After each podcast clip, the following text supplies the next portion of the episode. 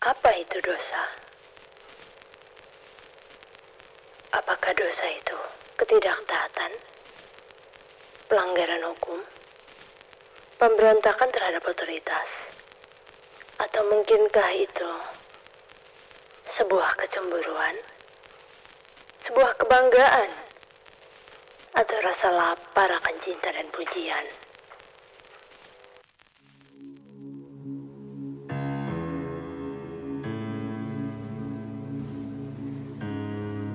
Sebelum Quantum Ministry diciptakan, Alpha Omega menciptakan substansi gaib terlebih dahulu untuk membantu Quantum Ministry dalam menciptakan peradaban.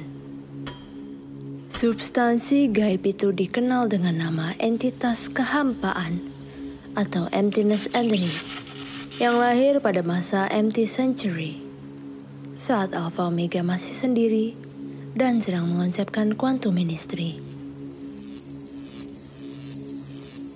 Emptiness energy ini merepresentasikan takdir, waktu, akhirat, kegelapan, dan siklus. Beberapa dari emptiness energy ini menciptakan semestanya sendiri. Entitas yang merepresentasikan takdir bernama Fortuna. Fortuna menciptakan semesta takdir yang dinamakan Million Fate Colony entitas yang merepresentasikan waktu bernama Era. Semesta waktu atau Million Century Colony diciptakan oleh Era. Aftera adalah entitas yang merepresentasikan akhirat. Aftera menciptakan semesta mimpi, limbus, dan akhirat yang dinamakan Million Soul Colony dan entitas yang merepresentasikan siklus bernama Avra. Avra menciptakan quantum ministry dan peradaban Million Ray Colony. Lalu ada entitas yang merepresentasikan kegelapan, Nix. Adanya siang dan malam adalah berkat Nix.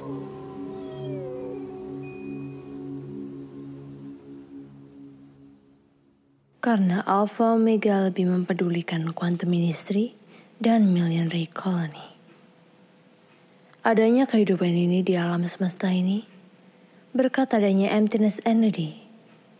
Bukan hanya quantum ministry atau million ray colony. Nix berprasangka bahwa Alpha Omega sudah tidak menyayanginya.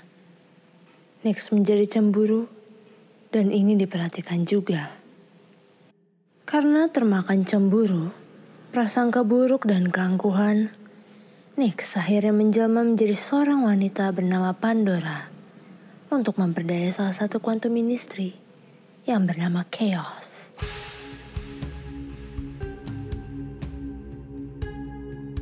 Chaos adalah anggota yang paling muda di antara quantum ministry.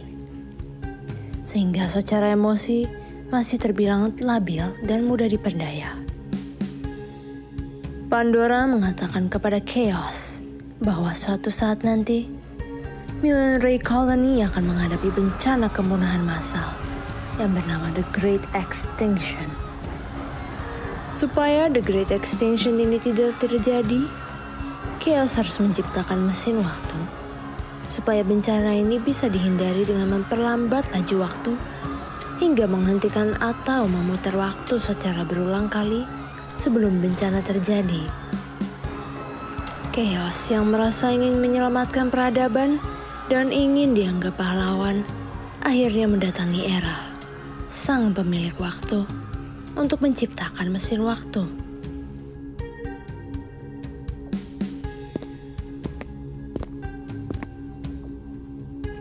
Era menolak karena penciptaan mesin waktu hanya akan menciptakan banyak realitas yang bercabang. Siklus yang terus berulang dan kasus anomali lainnya. Nix dalam wujud Pandora memperdaya dan menghasut era dengan kekuatan magisnya.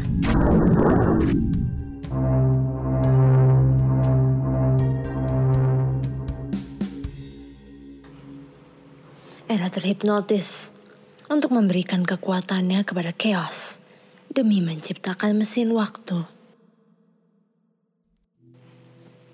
Setelah Pandora dan Chaos pergi, Era akhirnya terbebas dari mantra sihir Pandora. Era yakin bahwa Pandora sebenarnya adalah Nyx yang menyamar. Era geram kepada Nyx dan Chaos. Dia mengutuk Nyx, Chaos, dan mesin waktu. Dia mengutuk mesin waktu itu akan gagal dan justru akan menciptakan kekacauan. Nyx akan selamanya menjadi pengasut makhluk hingga akhir zaman. Dan chaos akan menjadi entitas terburuk sepanjang sejarah.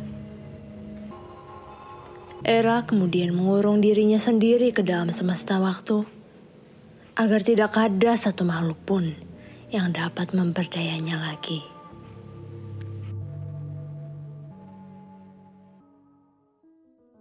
Pandora atau Nyx dan Chaos kemudian menciptakan mesin waktu bernama Kronos. Hingga secara tidak sadar, keduanya menjalin hubungan asmara. Saat mesin waktu Kronos pertama kali dijalankan, Pandora menghilang dan terjadi kekacauan yang dikenal dengan peristiwa The Great Extinction. Nyx merasa sangat senang karena telah berhasil memperdaya salah satu dari Quantum Ministry dan menjadikan chaos sebagai makhluk yang paling berdosa. Namun, Alpha Omega tetap tidak meliriknya. Bahkan Alpha Omega merasa Nyx telah melukai hatinya. Alpha Omega berfirman, tidak seharusnya sesama makhluk saling menyakiti meski atas dasar cinta. Nyx merasa kesal, marah, dan kecewa kepada Alpha Omega. Karena semua rencananya ini hanya untuk mendapatkan kasih sayang Alpha Omega. Tapi, Alpha Omega lebih mencintai Quantum Ministry. Bahkan setelah salah satu dari mereka membuat kekacauan. Setelah Quantum Ministry membereskan masalah yang diakibatkan Kronos, Quantum Ministry akhirnya mengadili Nyx berdasarkan kesaksian Chaos dan Era. Nyx kemudian dipenjara di Purgatorium, salah satu dunia di Million Soul Colony yang diciptakan Haftera. Nyx akhirnya melahirkan dendam kepada Quantum Ministry hingga ke seluruh keturunannya. Nyx mewariskan dendam yang dikenal dengan nama Original Sin kepada para keturunannya, seperti siluman, monster, shinigami, dewa, dewi kegelapan, dan kekacauan, iblis, dan sebagainya. Nyx bersumpah kepada Alpha Omega akan terus memperdaya setiap makhluk Alpha Omega hingga akhir zaman. Sampai Alpha Omega mengakui cinta Nyx Hal ini sesuai dengan kutukan era.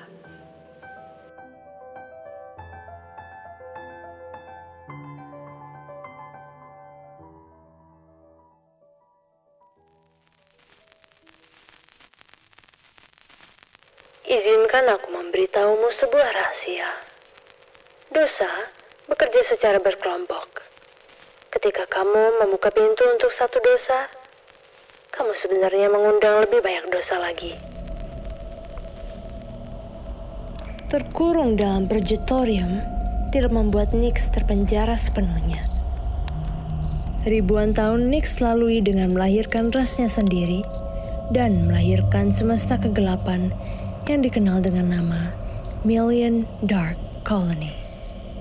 Million Dark Colony tidak terikat dengan konsep ruang dan waktu sehingga bisa muncul di garis waktu atau zaman mana pun. Million Dark Colony juga menjadi tempat kediaman para siluman, monster, shinigami, dewa-dewi kegelapan, dan kekacauan, iblis, dan makhluk kegelapan lainnya. Bahkan, Nyx juga menciptakan Quantum Ministry versi Million Dark Colony yang diberi nama Deadly Purgatory atau api suci mematikan. Deadly Purgatory terdiri dari Lucifero, Engeron, Avexia, Gridion, dan Sylvius. Lucifero mewakili dosa nafsu. Engeron mewakili dosa murka. Avexia mewakili dosa posesif. Gridion mewakili dosa rakus. Dan Sylvius mewakili dosa egois. Nix memandoi semua ciptaannya untuk menjalankan misinya, yaitu memperdaya setiap makhluk Alpha Omega hingga akhir zaman, sampai Alpha Omega mengakui cinta Nix. Jadi, Nix tidak akan berhenti mencoba menghancurkan Quantum Ministry. Tipuannya untuk chaos hanyalah permulaan. Salah satu kisah terkenal dari Nix adalah berhasil memperdaya kakak beradik kembar bernama Kala dan Kartikeya.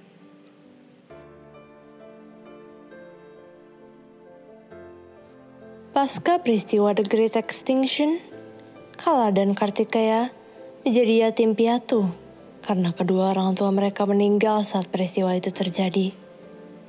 Kala dan Kartikeya kemudian diadopsi oleh Yama dan dijadikan muridnya. Yama melatih keduanya hingga mereka diadu untuk mendapatkan gelar The Watcher melalui olimpiade bernama Game of Swords atau permainan pedang. The Watcher merupakan inisiasi Yama dalam menanggulangi kasus multi semesta pasca peristiwa The Great Extinction. Kala sebagai seorang kakak selalu lebih unggul daripada Kartikeya. Baik dalam segi penguasaan energi, teknik bela diri, fisik maupun inteligensi. Sementara Kartikeya sebagai seorang adik selalu kalah dari Kala, meskipun dalam segi emosional dan spiritual lebih unggul. Nix dalam wujud maya memperdaya Kala dengan keangkuhan menganggap Kala yang terbaik, menganggap Kala lebih pantas menyandang gelar The Watcher ketimbang adiknya, Kartikeya. Sementara itu, Nix dalam wujud maya juga memperdaya Kartikeya dengan ketakutan. Menganggap Kartikeya selalu kalah dari Kala. Menganggap Kartikeya tidak pantas menyandang gelar The Watcher. Menganggap dirinya menyedihkan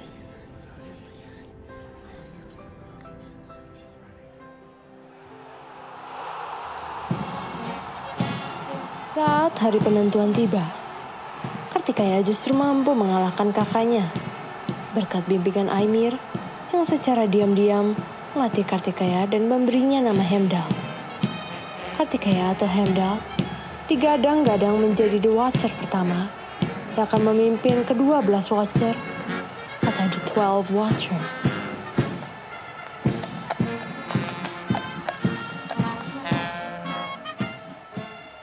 Kala yang terbakar emosi dan keangkuhan, tidak terima dengan kekalahannya ini, dan berniat untuk melenyapkan adiknya.